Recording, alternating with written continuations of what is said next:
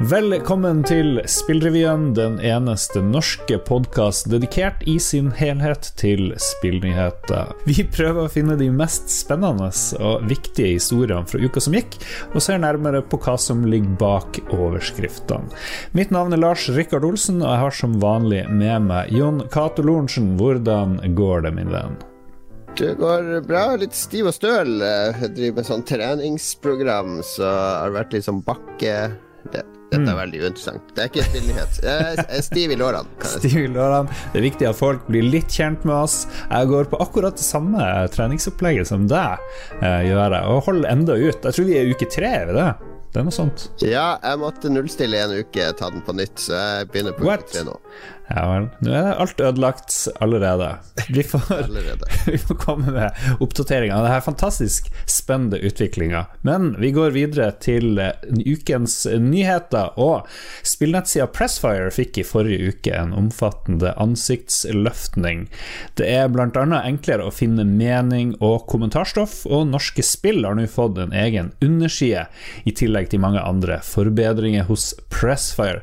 Blant annet så har nettsida gjort det enklere å søke på spillanmeldelser, der hvor brukerne kan sortere på plattform og terningkast, og det her er jo noe vi etterlyste for bare noen uker siden, Jon. Skal vi ta all ære for akkurat det her? For en, for en makt vi har fått så fort at Ja. ja. Pressfire bare kasta seg rundt. Nei, ja, det har eh, eh, Jeg kjenner jo Jarle og Erik som lager Pressfire ganske godt, så jeg har eh, hatt tilgang Eller de viste meg beta-versjonen av denne nettsida for en liten stund siden. Altså, det har vært under utvikling ganske lenge. Men eh, det har blitt en eh, kjempeflott eh, ny side med mye lettere å finne, finne Ja. saker. Ja, ja. Jeg vet ikke om vi skal si det, men jeg tror de fleste nyhetene vi har snakket om denne uka, de kommer fra Pressfire. Jeg synes de, Den forrige uka så ligger de litt fremme på spillnyhetsrapporteringsfronten av norske nettsider, sånn som jeg ser det. Jeg syns de har uh, nyheter med relevans, er de veldig flinke til å, å finne. Så uh, skryt til Pressfire for det.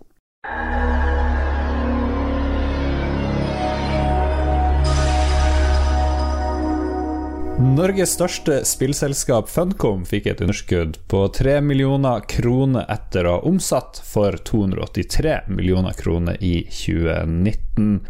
Det melder Pressfire. Funcom ble tidligere i år kjøpt opp av den kinesiske giganten Tencent. Funcom ga ut strategispillet Konan Unconquered og skrekkspillet Moons of Madness i perioden, og førstnevnte spill skal ha gjort det dårligere enn forventa. Så så vi òg at to tredjedeler av inntektene til Funcom kommer fra PC-brukere. Eh, De brukte over 200 millioner på å utvikle spill, og har 189 ansatte, som er ganske mye mer opp fra 2019.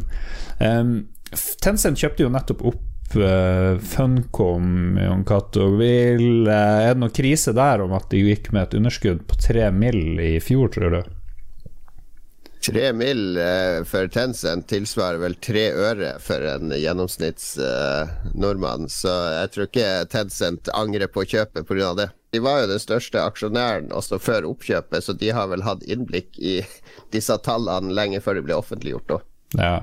Uh, Funcom sier at de skal fokusere på nytt Dune-prosjekt. Det kommer jo en Dune-film om ikke så lenge, og så skal de lage et spill som ligner på Conan Exiles. Det må jo være noe, noe survival-greier. Det har de jo hatt suksess med, så det er jo ikke så rart at de satser Det på er det det. som har vært den største suksessen til Funcom eh, på veldig lenge, og det er vel også hovedgrunnen, tror jeg, da, at eh, Tencent har kjøpt de, er at de vil ha en utvikler som kan sånne typer spill.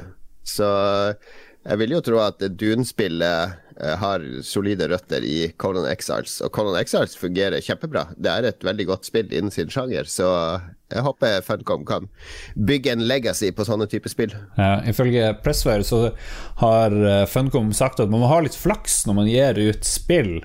Og så begynte jeg å tenke, hvor mye har flaks å si for et spills skjebne og spillutviklinga? Vil ikke et godt spill få et stort publikum uansett? Eller er det litt naivt å tro? Det er vel det samme som med film og andre ting. Altså, det fins veldig mange gode filmer som ikke når de store publikumstallene.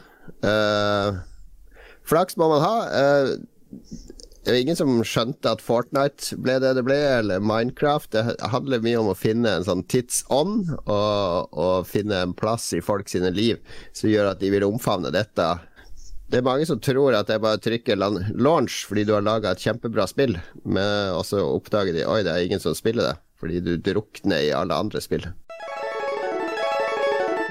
I forrige uke ble det klart at nye Microsoft Flight Simulator krever en 50 megabits-linje for eh, optimal spillopplevelse. Det melder gamer.no.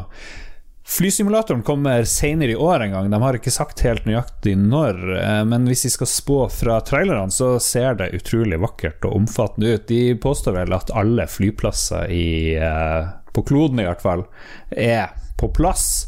Det som gjorde det litt spennende for meg, det her var jo at eh, det, det er mange elementer i denne saka som er litt spesielle. 50 eh, megabits-linje er jo da, da, skal du overføre ganske mye, og det er for sånne ting som værdata og tjo og hei, visstnok. Jeg lagde en stor sak om flysimulatorer for noen år siden. Hmm. Det var veldig mange av de som begynte å jobbe for Forsvaret i ulike land. Og lage flysimulatorer for Forsvaret eller for opplæring av ekte piloter. For det var mer stabile penger det enn å, å seg på å lage et, et kommersielt dataspill. Ja. Microsoft hadde liksom monopol mer eller mindre med Flight Simulator, og så gjorde de en tabbe eh, fordi Flight Simulator ble kjempestort pga. alle mods som, som, folk lagde til det. Så noen lagde jo f.eks. Harstad-Narvik lufthavn og la det inn i spillet. Og folk eh, lagde online eh, på det, så folk kunne sitte i tårnet og snakke ned andre som kom flyvende, osv. Så, videre.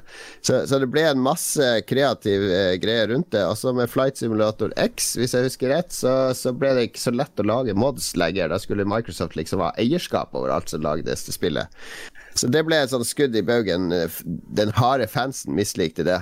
Men flysimulatorspillere er ikke gamere, da. Det er Nei. viktig å påpeke. For jeg har vært på møte i flightsim.no, som er interesseorganisasjonen for norske flightsimulatorspillere. Eh, og hadde du, du, vært med der, Lars, så hadde Vito vært eh, definitivt de yngste på det møtet. det er menn rundt 60 år som alltid har drømt om å bli pilot, og som kun spiller flysimulator. Hmm.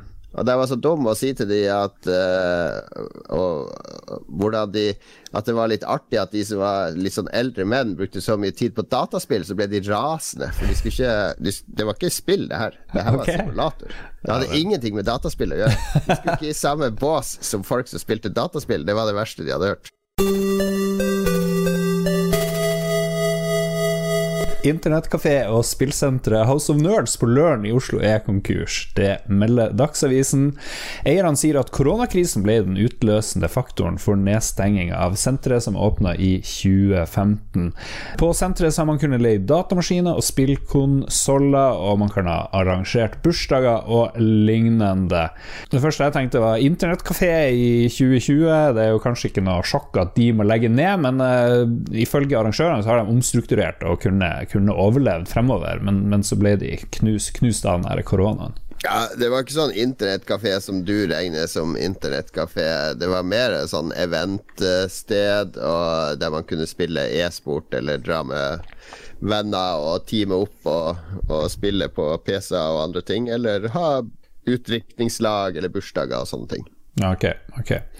Eh, de har jo fremdeles noe som heter House of Nerds Vulkan.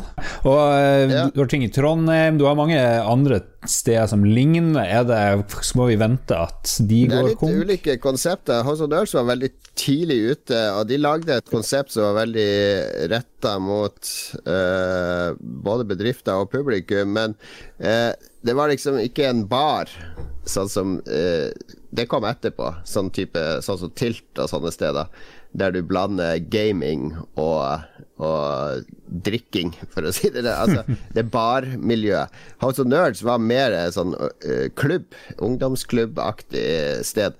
Så, så, de kom veldig tidlig med det konseptet, og så hadde de det som da var en veldig ugunstig uh, plassering oppe på Løren, for Løren var på en måte litt sånn ingenmannsland når de etablerte seg der.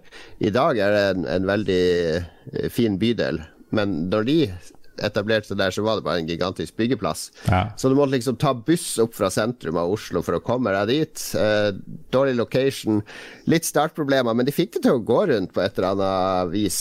Og Den de har åpna nå på Vulkan, det er mer en bar. Altså Det er en bar med gamingfokus og, og ulike typer gamingting du kan oppleve der. Samtidig med at eh, det er konkurs i House of Nerds, så driver eh, Eldorado e-sport og entertainment og skal starte opp i Oslo i de gamle lokalene til Eldorado kino. Vi tok en prat med grunnlegger og daglig leder Helge Lunde for hvordan det går nå mens koronaen raser. Dette er jo gamle Eldorado kino, så det er jo i utgangspunktet eh, et sentralt beliggende bygg midt i Oslo sentrum stort bygg hvor det har vært eh, underholdning i eh, godt over 100 år. Og Her blir det da et eh, større underholdningssenter dedikert til gaming og spillopplevelser og e-sport. Hvor brutalt er det å få den koronagreia i fleisen? Nå er det jo ikke gaming som er Det er jo ikke liv og helse, men det er jo næringsliv og det er jo investeringer, og det kan jo være veldig alvorlig, det. Absolutt. Eh, og for alt av næringsliv så er korona eh, utfordrende. Eh, da kan du si Vi har vel kanskje vært litt heldige i den forstand at vi hadde ikke åpnet vårt senter, så vi har vært i en byggefase. Og vi fortsetter å være i en byggefase. så det betyr at vi hadde ikke begynt å ta imot noen gjester. så vår inntektsstrøm var ikke planlagt å begynne før eh, til sommeren. Så blir den sannsynligvis utsatt, fordi vi kan ikke ta imot gjester. Men eh, Så vi er vel litt eh, positivt og heldig stilt i så måte. Men eh, klart vi må ta noen nye eh, runder på hvordan vi skal legge opp for, et tilbud. Og så er jo alt litt opp til når vi kan åpne. Eh, mm. hva myndighetene sier av, eh, av, eh, at det er trygt å ta imot gjester.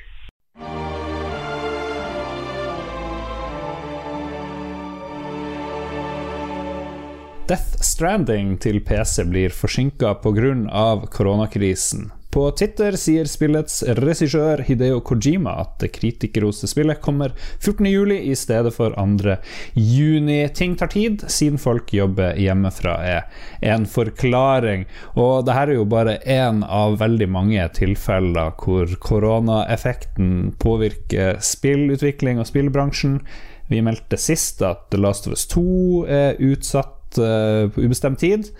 Game Developers Conference har vi snakka om er utsatt. Taipei Gameshow, E3, Gamescom og andre spill er utsatt. Men samtidig så har jo det her en positiv effekt på spillbransjen, i og med at spillsalget er opp, i hvert fall i USA, så melder NPD Group at i mars så ble det solgt 34% mer enn i fjoråret. Og kanskje enda mer sensasjonelt er jo at uh, spillkonsollsalget har økt med 63 Og Jon i et år hvor det kommer nye PlayStation og Xbox-maskiner, så er vel ikke det helt å forvente, egentlig. Nei, det er ikke normalt i det hele tatt, men det er jo uh når folk blir tvunget til å være hjemme, så må de jo finne noe å gjøre hjemme. Og da er jo spill og spillmaskiner ypperlig. Juksing i online-spill er et større problem nå enn på lenge, melder Eurogamer. Ifølge Bungie har juksing i Destiny 2 økt med 50% så langt i år. Også Activision sliter med juksepaver i Battle Royale-modusen i sitt populære skytespill Call of Duty Modern Warfare. Over 70 000 spillere har blitt bannlyst fra spillet, og nye tiltak settes inn for å begrense skadeomfanget. Det er mest Eh, PC-spillere som jukser, men også de på konsoll har funnet måter å ødelegge for andre med DDoS-angrep og leg-switching. Eh, jeg vet jo at du spiller mye Call of Duty Modern Warfare osv. Hva merker du nå? Juksing? Uh, jeg er så dårlig at du trenger ikke jukse for, for å ta meg i disse spillene. Men uh, nei da. Uh, jo, jeg har opplevd folk som jeg tror har juksa. Det ser du ved at de liksom tracker det gjennom vegger og, og reagerer så raskt at uh, det, det, egentlig kan ikke være et menneske som, som mm. styrer. Uh, og der har jeg rapportert det. Og så håper jeg at det blir gjort noe med det. Det er jo veldig frustrerende å tape mot juksere i spill. Ferdighetsbaserte spill. Ja. Hvorfor jukser folk i spill? Hvorfor gjør ikke du det? Hvorfor gjør ikke jeg det? Jeg kjenner ingen som driver og jukser i spill, men noen gjør det. det det er jo Vi har jo en felles venn av oss som Jeg husker når han satt hos deg, så spilte han alltid Quake i God-modus. Altså, du, du, tok ikke skade, og du hadde uendelig ammo. Og som jeg syntes var helt forkastelig, men så sa han at han ville jo bare ha det gøy og slappe av. Han ville ikke drive og stresse med at han gikk tom for ammo, eller at han døde. Altså bare ok, fair, fair nok, men det er når du spiller alene. Altså, det er ingen som buster deg på å jukse i kabal, men jukser du i poker, så ødelegger du for ganske mange andre. Så jeg tror folk uh, har et behov for å hevde seg. Jeg, jeg, tror ikke de som jukser i spill, er livets vinnere, for å si det sånn. Jeg tror de, de er uh, har funnet noe som de kan mestre på uærlig vis, og være best og få den vinnerfølelsen, selv om den er med en bismak. Uh, jeg har hørt også Dette kan jo være Uh, litt, høres litt feil ut, men at det, det er ganske utbredt i Kina med juksing i online-spill. Det er en litt sånn mm. mentalitet at du skal vinne, koste hva det koste vil. Ja. Uh, det er vel ikke noe galt å si det, det er vel kulturgreie, tenker jeg. Ja, det kan være det, men det er, eh, det er fryktelig frustrerende. Og det er fryktelig vanskelig å hanskes med, fordi det, det, lages nye metoder for å jukse hele tida. Altså, vi, vi juksa vel da vi spilte Destiny 1, Lars, når vi skulle ta Krota og nappe ut nettverkskabel og sånne ting ja, ja. for å krasje bossen og sånne ting. vi brukte enorm tid på å researche juks. da gikk det ikke utover noen. Men det som har skjedd nå i Destiny, er at de har innført noe som heter Trials of Osiris, som liksom er en sånn hardcore PVP-modus der du må vinne tolv kamper på, helst på rad uten å tape for å få den beste premien. Mye prestisje i det, og det har ført til at folk jukser veldig mye mer i eh, Destiny. Og Bungie sjøl sier jo at uh, de har gjort mye feil med denne modusen. De burde f.eks. Eh, mye av problemet med Warzone og Destiny er at de nå er gratisspill. Og når du slipper inn folk uten at de har investert noe i det, så er det veldig Du kan banne de, men så lager de seg bare en ny bruker, ikke sant? Mm. Det. Uh, det, det. er veldig vanskelig å, å hanskes med det når du ikke mister noe. Uh, så, så, Activision tror jeg leste nå de jobber med f.eks. Ok, denne personen jukser, men i stedet for å banne han, så blir de putta De blir flagga som en jukser. Og når de da skal matchmake for en kamp, altså de blir satt sammen med andre spillere, så havner de i en kamp med andre folk som jukser. Så, og så vet de ikke sjøl at de har blitt flagga som juksere, så de vil bare oppleve å bli tatt av andre juksere hele tida. Og spillet vil basically være ødelagt fordi, fordi de bare er i en diger sånn jukse, juksearmé. Fantastisk.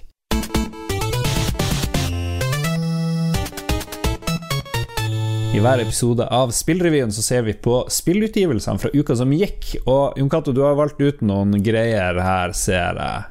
Ja, det har kommet litt uh, interessante spill. Sony har gitt ut et nytt spill til PlayStation og PC som heter uh, Hvordan uttaler du pre Predator, har jeg alltid sagt. Jeg sier òg Predator, jeg driter i engelsk uttale. Predator, Predator, Predator Hunting Grounds.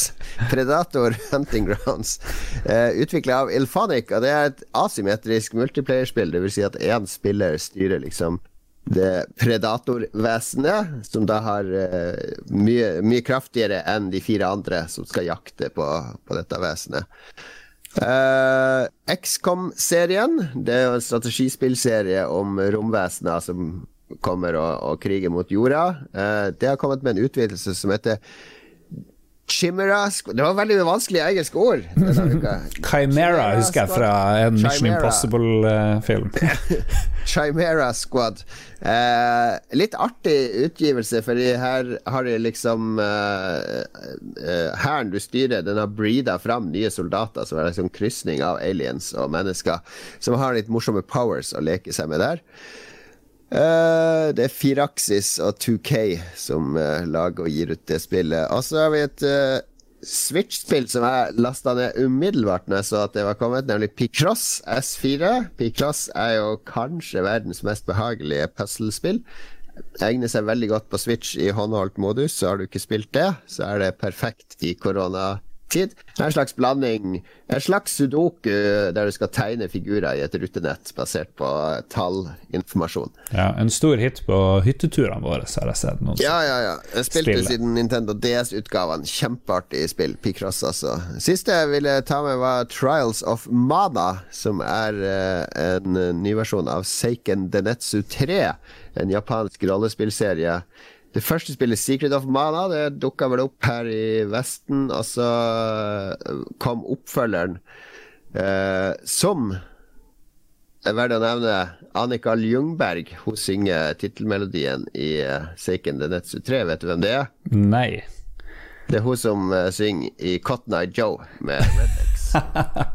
For det er trivia. det er trivia. Jeg skal ikke si at man hører en episode av Spillrevyen og ikke lærer noe nytt. Ja, nettopp. Er det her Trials of Mana, Seiken Denetsu 3, er det bra, da? Siden du nevner det. Det er et eldre japansk rollespill, men det er første gang det er utgitt i Vesten på engelsk. Så for eh, de som liker litt old school japanske rollespill, så tror jeg det kan være en god bit. Det var det vi hadde av spillnyheter fra uka som gikk. Vi er tilbake mandag om sju dager. I mellomtida så kan du høre Lolbua, vår andre podkast som kommer hver onsdag. Der tror jeg vi får en anmeldelse av nevnte Predator, Predator, hva enn det er, Hunting Grounds, hvor uh, vårt redaksjonsmedlem uh, Miss Oracle, glemte navnet hennes, der Katarina Berg Rue er med og forteller om det. Er det noe mer fornuftig å si til våre lyttere? De kan støtte oss på Patrion. Patrion.com slash lolbua. Så hvis du gir penger der, så støtter dere også produksjonen av Norges eneste podkast om spillnyheter. Mm. Og hvis du jobber i spillbransjen eller jobber med spill, eller har tips til saker, så kan du gjerne sende de enten til meg eller Lars. Du finner oss i sosiale medier eller på Facebook har vi også en gruppe. Absolutt. Tips oss. Vi er tilbake snart. Ha det bra.